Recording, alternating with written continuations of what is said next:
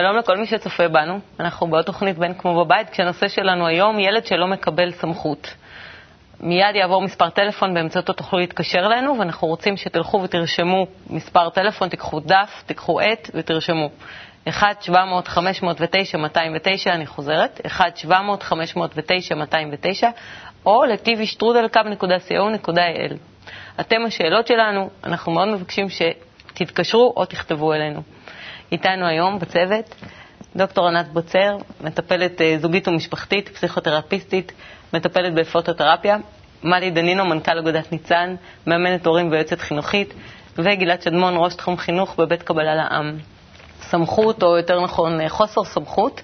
אה, הילד למעשה את הסמכות שלו לא מרגיש, בעצם את הסמכות מההורה לא מרגיש עד גיל שנתיים, כי הוא מרגיש את הילד ואת ההורה כאחד. רק אחרי זה, מעל גיל שנתיים, אנחנו מתחילים להרגיש את ההתפתחות של האני שלו, הוא מתחיל, אה, את, אה, מתחיל אה, להזדהות, ואנחנו מכירים את זה יותר בצורה של מרד. או בצורה יותר ברורה, זה בא ולקוח ישר מתמונה מהבוקר שאנחנו נורא נורא ממהרים, ובדיוק הילד מתחיל להגיד לא כשאנחנו אומרים כן, ואומר כן כשאנחנו אומרים לא. וזה יכול להיות הכי, הכי מעצבן והכי מטורף והכי... אנחנו יכולים להיות הכי חסרי סבלנות באותו רגע, אבל זה בעצם ההתפתחות של האני שלו, ומשם זה מתחיל. והילד מתפתח ונהיה עצמאי, ובעצם אנחנו רואים לאורך זה שהוא כן זקוק לסמכות של ההורים ושל המורים, ואם לא, הוא מאבד את הצפון. וגם אנחנו כבוגרים, אנחנו רואים את זה שבעצם אנחנו זקוקים למנהיגים, אנחנו זקוקים להעריך מישהו, להריץ מישהו, אנחנו זקוקים בעצם לקבלת סמכות. אז בכל זאת אנחנו באים לברר היום איך זה יכול להיות שילד בכל זאת רוצה לשבור את הסמכות הזאת. אה, ואנחנו באים לתת כלים היום להורים, לתת סמכות ולהיות במקום הזה ולהיות ביכולת הזאת. אז אה, נתחיל מגלעד ונשאל אותו למה אנחנו בכלל צריכים סמכות. אולי לא צריך את זה. יכול להיות שלא נצטרך את זה, אז נעשה את כל הטעויות האפשריות כדי לגדול, ובטח זה יאט את קצב הגדילה שלנו. הסמכות האמיתית ניתנת בעצם מתוך דוגמה אישית. כשההורה מראה לילד איך אפשר לרדת או להגיע להרגשת השני, להרגשת הזולת, למרות שיש ביניהם פערים, לחוות יחד איתו את מה שהוא חווה ולסייע לו לטפס למעלה. כי סמכות בהיבט החיצוני שלה היא מורכבת מכל מיני תכונות וכל מיני מיומנויות שרוכשים וכן הלאה. לטפס למעלה הכוונה להיות בוגר. להיות בוגר זאת אומרת להיות במדרגה הבאה שלו. כשההורה מבין את הילד ומרגיש אותו, אז הוא יודע איך לפנות אליו, הוא יודע מה חסר לו, הוא יודע איך אה, לגרות אותו להתקדם ולהתפתח, והילד מרגיש את זה. מזה הוא רוכש סמכות. זה כמו שאת יודעת, נאמר בצבא, אז יש כאלה עם דרגות על הכתפיים, אבל לא תמיד יש להם את הסמכותיות, ויש כאלה שאין להם את הדרגות על הכתפיים, אבל הם אנשים שמרגישים את השני, מרגישים את הזו, ומורגש עליהם. זה פשוט... אה, אה, אנשים שמילה שלהם זאת מילה, רואים שהם מכירים את החוקים, מכירים את, את, את צורת ההתנהגות הנכונה. כך גם במערכות יחסים בין הורים וילדים. בכל דרגה כזאת צריך סמכות מחדש? כל הזמן לבנות אותה. כי הילד בוחן, הילד בוחן. האם באמת אתה מתכוון למה, שאתה, למה שאמרת? האם אתה באמת מיישם את מה שאתה מדגים? האם באמת אכפת לך ואתה, ממני ואתה מרגיש אותי? וברגע שהוא יזהה שלא, הוא יברח הצידה. זאת אומרת, הסמכות לא תעבוד עליו. וזה הזמן שהוא שובר אותה. וזאת השבירה. הוא בעצם בודק כל הזמן את הגבולות. איפה אני יכול לשבור את הסמכות הזאת ולקחת אליי את ה... אה, גם יש איזשהו בלבול כללי בין אה, אה, כפייה לבין סמכות. כשאדם הוא באמת סמכותי, הוא לא נותן לשני את ההרגשה שכופים עליו משהו. הוא נותן לו את ההרגשה שיש לו חופש לבחור לאן הוא רוצה ללכת. שהוא עושה את זה מרצונו החופשי. ואז אז ה, ה, מי שמקבל עליו את הסמכות, נאמר הילד, אה, אה, מרגיש בטוח. נשמע גבול מאוד עדין גם. כן. הילד מרגיש בטוח, הוא מרגיש שהוא בסביבה טובה, שאוהבים אותו, שרוצים אותו.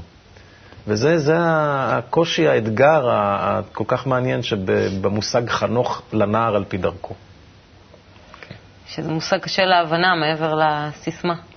ענת, אה, איך הפסיכולוגיה רואה בעצם את המושג סמכות? כן, זה נורא מעניין מה קרה במקום של הסמכות ההורית. אני לא יודעת אם זה מבחינת, זה אבולוציה או זה שינוי. אה, בכל אופן, פעם הסמכות הייתה מאוד מאוד ברורה, אני מדברת לפני מאה שנה. אה, נאמר, כן, זה ברור, האבא אומר, האימא אומרת, אה, הוא תלוי באיזה תרבויות, ו... והילד עושה, הוא בכלל לא חושב על איזושהי אפשרות אחרת, האפשרות האחרת לא קיימת.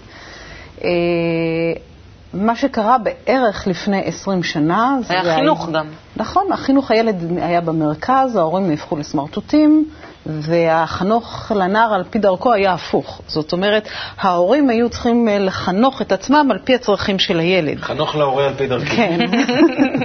עכשיו, מה שקורה, וקמו כל מיני תיאוריות כאלה ואחרות לגבי שיקום הסמכות ההורית, זה הדברים האחרונים שמדברים עליהם, וגם כן, לדעתי, הם לקחו את זה, לה, כן, הם לקחו את זה לאיזושהי הגזמה נוספת, ואני מקווה מאוד היום שמחפשים ומוצאים איזשהו איזון חדש בין המקומות שהילדים חשופים לכל כך הרבה ידע ו... אה, אה, לבין המקום באמת, מה שנקרא הדיאדי בין האבא לילד, בין האימא לילד, בין הזוג הורים לילד. זה המקום החדש, ואני חושבת שהוא מקום טוב, הוא מקום של חיפוש, ובמקום שיש חיפוש יש יצירה. יש יצירה חדשה ומעניינת. אז זה ככה כמה מילים כלליות. אז זה נשמע כמו לחפש איך לחנך. לא, זה לחפש איך הדיאלוג ביני לבין הילדים שלי יהיה ממקום שלי כן יש סמכות כהורה, אבל עם זה אני מאפשרת להם מספיק חופש. ולכן אני מאוד מסכימה עם גלעד, עם מה שאתה אמרת. כשהסמכות יושבת באופן טבעי, יש אה, באדם, אז לילד באמת יש לו בחירה, והוא יודע בדיוק איפה הוא יכול לבחור ואיפה הוא לא יכול לבחור. אבל זה באופן כללי. אבל הנושא שלנו זה ילדים שהם לא מקבלים סמכות. עכשיו, זה לאו דווקא כי הם ילדים רעים, או כי הם לא רוצים לקבל סמכות. צריך ממש לבדוק ולראות למה הילד לא מקבל סמכות, כי זה לאו דווקא תלוי בנו. זה יכול להיות שזה תלוי גם בילד. למשל, אני אתן לך דוגמה, אה, נגיד ילדים שהם מנהיגים מלידה, שחלק מזה זה גם גנטי, חלק מזה זה mm-hmm. כתרים ששמו להם על הראש. למשל, יותר קשה להם לקבל סמכות. ואז אנחנו כהורים צריכים להיות מאוד חכמים איך ללכת איתם. איך לא לסרס להם את המקום של המנהיגות, כן לתת להם להוביל, אבל בדרך שאנחנו נציב לפניהם. או שלוש אפשרויות, או משהו כזה, או מקום אחר, לראות מה קורה לילד, למה הוא לא מוכן לקבל את הסמכות שלנו. יכול להיות שזה גם מחוסר הזדהות? של מי? של הילד של איתנו? של עם ההורה, כן. כן, בוודאי. וגם כן, אני לא בטוחה שבמקום הזה צריך לכפות על הילד. Mm-hmm. יכול להיות שלמשל הדרך שהוא מציע היא, היא טובה, ואולי היא בטח טובה. לא. מעלי, איך את מתייחסת לזה? אמ, אני רוצה לספר על הורים שמגיעים. אני מאוד מסכימה עם ענת שהורים מחפשים היום את הדרך לדיאלוג עם הילד שלהם, ו... והתשובות uh, שניתנות היום uh, מצד אחד uh, לתת לילד את המקום ושהוא יהיה במרכז והרבה מאוד אוטונומיה. מצד שני, כל הגישות שמדברות היום על, אה, אה, על חינוך שיש בו הרבה מאוד מה, מהגישה הבביוריסטית, מהגישה ההתנהגותית, ש, שיותר מזכירה אילוף מאשר חינוך. אני פוגשת הרבה הורים שמגיעים אלינו לאגודת ניצן כדי לעבור תהליך אימוני. והקושי אה, בהצבת גבולות, אה, הקושי ב, בסמכות ההורית, והרבה פעמים הקושי, בעצם הגבולות? הקושי בעצם, אה, הסמכות, הסמכות בתוך גבולות, זאת אומרת החופש בתוך גבולות, אה, כשבעצם שני הורים עם אה, גישות שונות לחינוך הילד. יש את ההורה שמאוד מאוד פתוח והוא חושב שצריך לילד, לתת לילד את כל החופש שבעולם והוא סומך על הילד שהוא יעשה את הדבר הטוב. והאימא שיש לה גבולות מאוד ברורים והרבה פעמים הקושי הזה מביא את הילד למקום שבו אה, הוא לא יודע איפה לשים את עצמו. ויש פה הרבה מאוד מקום לעבודה עם ההורים. מה שאנחנו עושים בתהליך האימוני, אנחנו מחפשים את המכנה המשותף, אנחנו מחפשים את אותה מערכת ערכית שבה אה, שני ההורים אה, מתחברים לאותו מקום, אבל הולכים לברר עם הילד, איפה הילד נמצא. אה, איפה הוא היה רוצה להיות, וביחד בעצם מחפשים את אותו מקום שיש בו שיתוף פעולה. דרך שיחה משותפת של הילד וההורה? דרך זה שאנחנו שולחים את ההורים לשוחח עם הילד. כל אחד מההורים משוחח עם הילד, ו, ודרך השיחה עם הילד בעצם אה, יוצרים מערכת שיש בה הליכה משותפת. אה, בראש ובראשונה סביב ערכים משותפים, אה, כי זה איזשהו, איזושהי תשתית שעליה אפשר אחר כך לצקת את כל אותן תגובות של הורים למצבים כאלה ואחרים. Mm-hmm. כי אם אני כהורה, אם אני כהורה, מאוד מאוד חשוב לי שהילד שלי יהיה מחונך וילד שלי יחיה בתוך עולם שלא הכל בו מותר, השאלה היא מה חשוב יותר, מה חשוב פחות. ההורים הרבה פעמים מאוד מאוד מתבלבלים ונכנסים למקום שבו הרבה פעמים הגישה היא כוחנית כלפי הילדים, ואז חלילה הילד הזה נשבר ואין שום כוונה לשבור אותו, ויש כאן הרבה מאוד הליכה משותפת mm-hmm. שהיא צעד אחר צעד בתהליך אימוני סביב איזושהי מטרה שיש בה אה, ערכים, ו... ויש מקום ללכת במשותף יחד עם הילד, עם ההאזנה ההדדית כל הזמן. הפערים בין אבא ואימא, זה הזכיר לי איזשהו סיפור, שילד בא לאימא ואומר לה, אימא, מאיפה באנו לעולם? אז אימא אומרת לו, תשמע, בורא, ברא את האדם והחווה וזה, אז, אז, אז למה אבא אומר שבאנו מהקופים? היא אומרת לו, תראה, זאת המשפחה של אבא, זו המשפחה שלנו. זה... כן. אז בואו נעבור לשאלות של ההורים, לכלשהו לתשובה.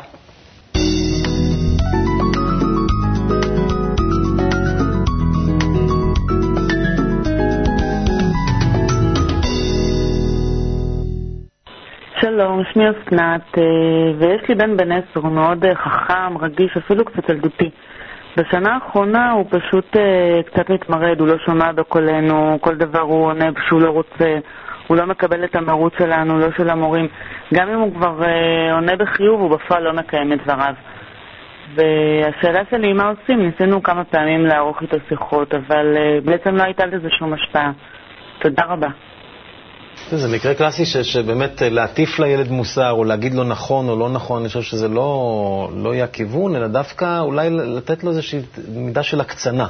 לקחת את הסיטואציה הזאת ולהגיד, אוקיי, אתה לא עושה מה שאתה עושה. בוא נראה מה יקרה אם נאמר גם אנחנו לא נעשה. אבא לא ילך לעבודה, אמא לא תלך לעבודה ולא תטפל בך בבית, או, או נבטיח לך הבטחות ולא נקיים אותן, לא נעשה כל מיני דברים. להראות לו שהמערכת לא מתפקדת? בוא ניקח ונקצין רגע את המצב, ואז הוא יבין שבעצם... אתה תעשה את זה גם או רק תגיד לו? אה, קודם כל מתוך הסבר. אחר כך לפעמים, אם באמת רואים שהוא לא, באמת לא מבין את זה, אפשר גם לעשות את זה. אתה לא, אז גם אנחנו לא. השאלה אם אנחנו לא אומרים, כשהילד אומר לא, למה הוא מתכוון? זאת אומרת, אה, לא כך ברור אה, מתוך מה שהיא אומרת, אה, האימא, ומה מה קורה לילד הזה. הוא אומר לא להורים, הוא אומר לא למורים. אנחנו רוצים לעשות משהו שאומרים לנו לעשות, או שאנחנו צריכים, אנחנו גם לא רוצים. למה כן, לא? צריכים לשכנע את עצמנו לא שזה נכון. הרבה פעמים אנחנו גם שמחים לעשות. אבל התמונה היא יותר מורכבת. תלוי ביחסים, אני חושבת. אנחנו שומעים הרבה פעמים אה, שאלות כאלה של הורים, שהילד אומר לא, והוא מביא אה, את הדפוס הזה גם לבית הספר, והוא אומר אה, לא על כל דבר, כי בעצם לא טוב לו. לא טוב לו, זה ילד שלא טוב לו. והשאלה היא, היכן קשה לו? האם קשה לו בבית הספר, האם קשה לו בבית, האם קשה לו עם החברים, אה, מה קורה לילד הזה שאומר לא? זאת אומרת, על מה הוא אומר לא? על מה הוא אומר לא?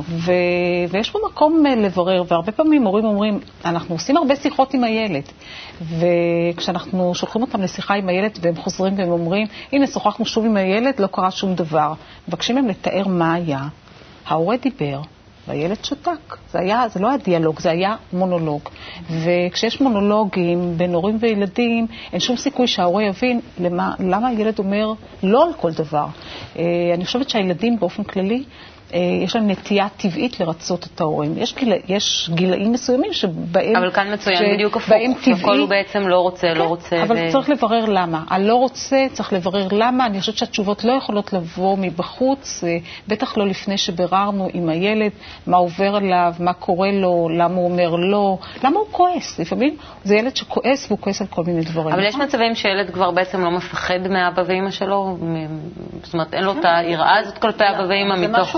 אחר, זה משהו אחר לפחד מאבא ואימא וליראה. היראה הוא מתוך איזשהו מקום של כבוד, איזשהו מקום לכבד אותם, כן, לכבד את המקום שלהם. כן, אבל גם הסמכות הזאת ו... היא באיזשהו מקום אה, קשורה לזה. אני מאוד הייתי שמחה, גם עם הילדים שלי וגם בכלל, אם זה היה מתוך המקום של כבוד, ממקום של הערכה, ולא ממקום של פחד. שיפחדו ממני, מהגודל שלי, מהעוצמה שלי וכולי. אני רוצה לתת כאן... למה שהוא יעריך אותך? נכון, נכון. למה? מסכימה הרי. ילד מסתכל על ההורים שלו, אה, מגיע לי מהם, הם הביאו אותי לעולם, מגיע לי לקבל מהם את הטוב ביותר. עכשיו, אם אני צריך לעשות משהו, אני רוצה להבין למה. למה אחרת טבעי לחלוטין שאני לא ארצה לקחת אה, אחריות על שום דבר, אה, והקטן ביותר, כי נוח לי יותר עכשיו לעשות מה שבא לי. כן, בקטע הזה זה אני- הטבעי אנחנו. קצת חלוקים, כן, אני לא חושבת כמוך. אני חושבת שדווקא ילדים הרבה פעמים באופן מאוד טבעי, אם אתה עובד איתם נכון, הם מסדרים את הדברים שלהם והם שותפים בהוויה של הבית, ודווקא אם הדברים לא ניחתים להם מכאן, הם- אלא באים מכאן, אז הם עושים דברים. אה, כן, אלא אם כן, יש שם קצרים, והשאלה למה יש שם אה, קצרים כל כך אה, גדולים זה אה, יכול להיות מסיבות שונות, וברורים. זאת אומרת, אין תשובה אחת לזה. כן, אני רק רגע משהו, רוצה לתת דוגמה דווקא לדברים שאת נתת, איזושהי משפחה שהגיעה אליי לקליניקה, שהם גם כן אמרו שהם מדברים עם הילדים וכולי, ופשוט אני דיברתי עם הילד בנוכחות ההורים. ביקשתי מהם רק ש... אפילו לא אמרתי להם שאני נותנת להם modeling. וההורים היו פשוט המומים ממה שהילד אמר. הם אמרו לי, איך את עשית את זה? כאילו, היה פה איזשהו הוקוס פוקוס? ממש לא היה הוקוס פוקוס, פשוט דיברתי איתו, והוא פשוט ענה, ואני פשוט הקשבתי. ואחר כך ההורים לקחו את המודל הזה ועשו את זה בבית, והדברים באמת הסתדרו, לא משנה כרגע אפילו מה הייתה הבעיה. אולי רק אפילו אה, ל- לומר את, זה, את הדברים שוב, אה, למה הכוונה בשיחה כזאת של הורים עם, עם ילדים, כשהורה יודע איך להתעניין בפרטים הקטנים. מה שקורה שההורים שואלים שאלות אה, יום אחר יום, את אותן שאלות שלילד נמאס כבר לשמוע. איך היה בבית ספר, לא מחכים לתשובה, יש לך שיעורים, יש מחר מבחן. זאת אומרת, חלק מהעניין זה להתעניין ולשאול שאלות קטנות, כמו אה, איך הרגשת, או מה חשבת. שהוא עדיין או, קטן, או כי כש- כשהוא בן 16 זה בעיה. גם כשהוא בן 13 שהוא 16, מתחיל. גם כשהוא בן אה, 16 הוא אה, זקוק, וגם כן, כשהוא איך מבוגר יותר, הוא מבוגר? יותר, ההתעניינות מאוד מאוד מאוד חשובה, והשיחות האלה עם ההורים, זה לא מובן מאליו שהורים יודעים אה, להקשיב, ולא מזמן הייתה לי שיחה עם בחורה שהיום היא כבר עושה את הדוקטורט, אבל זה היה מדהים לשמוע אותה מספרת על כמה שהיה לה קשה. כי הייתה לה הרגשה שלא ממש הקשיבו לה, ולא לא ממש הבינו איפה קשה לה ומה הקטע קשה של לה. התקשורת, ומתוך והקטע זה של מגיע התקשורת העניין של וההקשבה, ומשם באה הסמכות. את יודעת מה ההגדרה של נודניק? מי ששואלים אותו איך הוא מרגיש והוא מספר. אז, אה, מה שלומך? כן, דבר שקשור. לתרבות שלנו בכלל, לאו דווקא לקשר הורים-ילדים. אנחנו פשוט לא יודעים להקשיב. נכון. אנחנו נעבור לשאלה הבאה, זו שאלה שהגיעה אלינו דרך קו.co.il. אה, יש לי ילד בן חמש שאינו מקשיב למה שמבקשים ממנו. מה עלינו לעשות על מנת שיעשה מה שמבקשים ממנו? לדוגמה, הוא מאוד אוהב לקפוץ על המיטות ועל הספה בסלון. כאשר מבקשים ממנו שיפסיק לקפוץ, הוא מתעלם וממשיך בשלו. למרות בקשתנו החוזרות, הוא ממשיך בשלו. מה עלינו לעשות כדי שבכל זאת יפסיק את הקפיצות? ילד בן חמש. כן, אז זה ילד שלמד מהר מאוד איך להשיג את תשומת הלב, והוא עושה את זה בדרך הזאת, כי בדרך הזאת הוא מצליח אה, לגרום להורים שלו להתייחס אליו.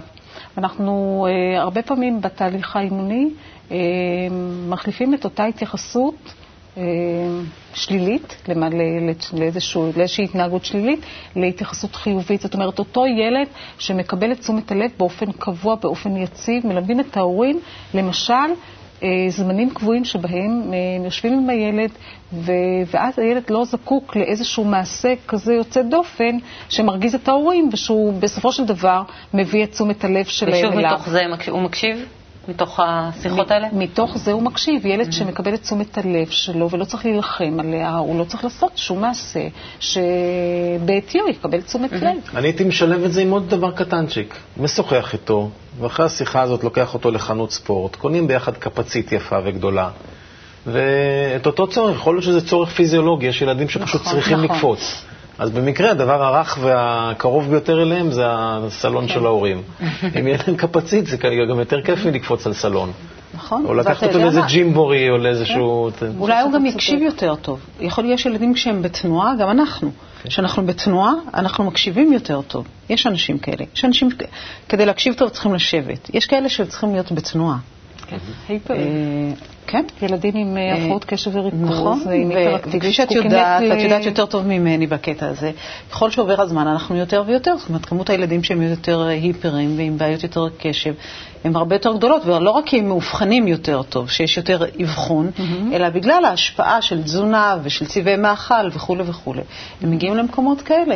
ולכן יש כאלה שבכלל, אני יודעת הרבה פעמים, אני, כשאני רציתי לדבר עם ילדיי, או אני עושה את זה איתם בתנועה. שיש להם צורך. אני עושה את זה בתנועה, לאו דווקא לרקוד איתם באותו זמן, לעשות את ההליכה מסביב, בזמנו גרתי בקיבוץ או באיזשהו מקום, זאת אומרת... אה, יש תרבויות שבהן נהוג ללמוד תוך כדי הליכה. זאת אומרת, הולכים נכון. ביחד ואז מספרים סיפור, לומדים, קוראים משהו, אבל תוך כדי הליכה. ואז המרכז המוטורי של האדם עובד והוא... אז פה הילד רוצה פשוט לקפוץ. בקיצור, אימא יקרה. תני מקפצה. מקפצה. קפצית תפתור לך את כל הבעיה. פה אחד. אולי גם היא תקפוץ. בואו נעבור לילדים ונראה את הזווית שלהם לכל הסיפור, מזווית של ילד.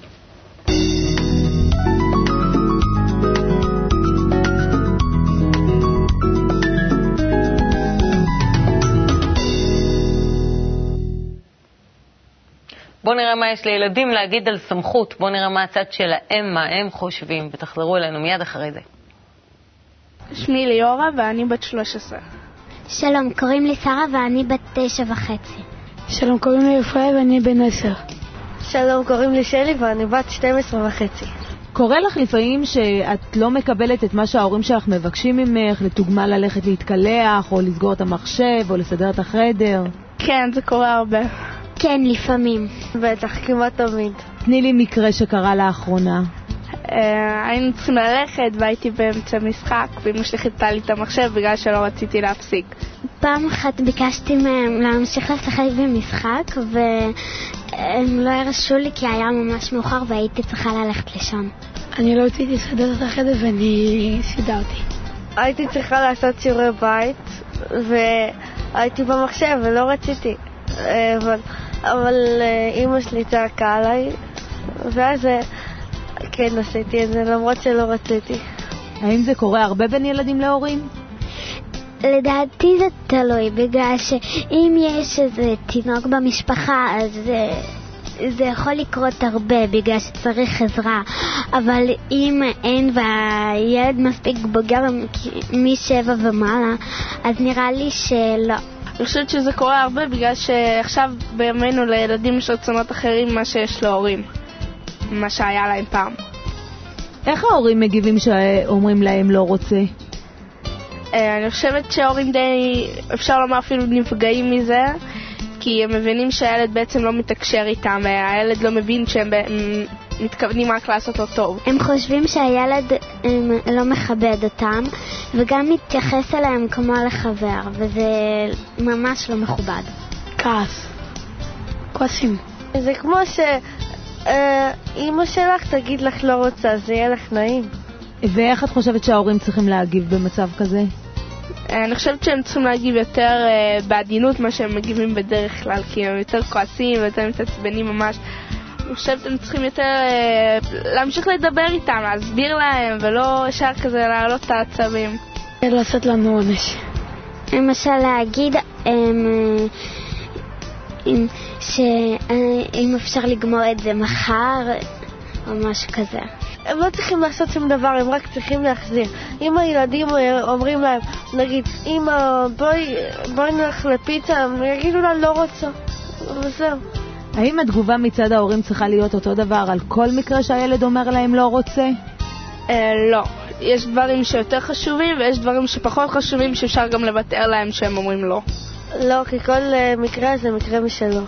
ומה לדעתך יכול לקרום לכך שילדים יכבדו את הבקשות של ההורים שלהם? Uh, זה שההורים שלהם גם יכבדו את הבקשות של הילדים. ההורים יכבדו את הבקשה של הילד, הילד יבין, יאללה, הם כיבדו אותי, אני אכבד אותם. לשים להם חוזה או משהו כזה, שיגידו, משמונה עד תשע אתם במחשב, ואז אתם צריכים לפנות אותו ולעשות משהו אחר. לעשות חוזה ביניהם. כן.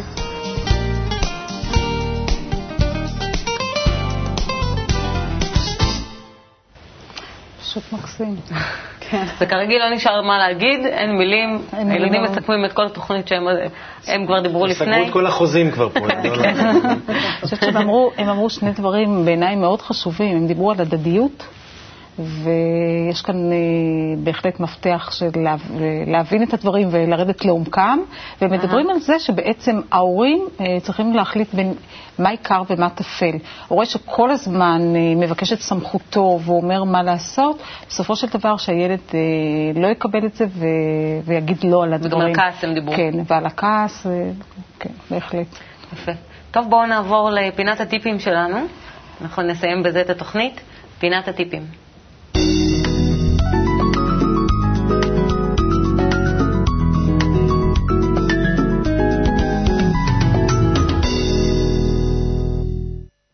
אני, כן, אני, סליחה. כן, אנחנו נתחיל מענת. אה, אני דווקא אתן איזשהו טיפ שלא דיברנו עליו בכלל כאן, זה שההורה יבדוק את המקום של הסמכות עם עצמו, איפה הוא נפגש עם סמכות, מה היה הדיאלוג שלו עם הוריו, אה, האם בדרך כלל הוא עושה בדיוק את ההפך, כן, בבית היה ככה, ודווקא מתוך המקום של ההתבוננות הפנימית שלו, שיבוא ליצור איזשהו אה, דיאלוג חדש עם הבן שלו, ולא בהפך, אלא באמצע. איזון. איזון. הטיפ שלי שההורים צריכים אה, ביחד לגבש את הסמכות ההורית שלהם ולהחליט מה חשוב יותר ומה פחות. את אופטימית. מה אופטימית? בשביל סמכות צריך לעבוד. אנחנו אומרים, בשביל כבוד צריך לעבוד, גם בשביל סמכות צריך לעבוד, וזה פרי שקוצרים אותו אחרי uh, יגיעה לא פשוטה של הקשבה, של הבנה, של uh, uh, לנסות להיות במקום של הילד, בעולם המושגים שלו, בעולם הרגשי שלו, ומכאן להעלות אותו למעלה, ואז מתוך זה הילד באופן טבעי ייתן להורה את הסמכות. הוא לא יצטרך להילחם, הוא לא יצטרך לתת פקודות, הוא לא יצטרך לשמוע לא. אלא הילד יאהב את הסמכות הזאת. Mm-hmm. וזה מאמץ לאורך כל הגידול של הילד. זה לא משהו שעושים אותו פעם אחת, וזהו. מההתחלה וכל עוד... אפילו, אפילו שבשנתיים הראשונות ילד הוא עדיין לא מרגיש את האני שלו. נכון. גם אז יוצרים את הסמכות? כן, כן. גם אז מתוך זה שנותנים לו אהבה ללא תנאי, עד כמה שאפשר, עד כמה שאנחנו יכולים קרוב לזה לתת. Mm-hmm. זה שילד מרגיש שכשהוא... בוכה, אז יודעים אם זה בגלל שכואב לו בבטן מהגזים, או בגלל שעשה קקי, החיתול שלו מלא, או בגלל שעכשיו סתם בא לו ש, שמישהו יקשיב לו. אז מתוך זה כבר מתחילה להיבנות הסמכות. שהילד יודע שיש מי שבאמת איתו. וככה הכוח העליון צריך להתנהג איתנו? האמת, כך מחנכים אותנו מלמעלה כל הזמן. כוח עליון, טבע, זה לא משנה איך נקרא לזה, אנחנו תמיד מובלים אל המדרגה הבאה שלנו. על ידי גירויים ופיתויים ועזרה וממש... ואהבה ללא תנאי. ממש אהבה. רק צריך לראות את זה. טוב, כן. עניתם לי על כמה שאלות, אני מקווה שגם לכם ענו על כמה שאלות. אנחנו ניפגש בתוכנית הבאה. תודה רבה לכם. תודה רבה גם לכם. להתראות.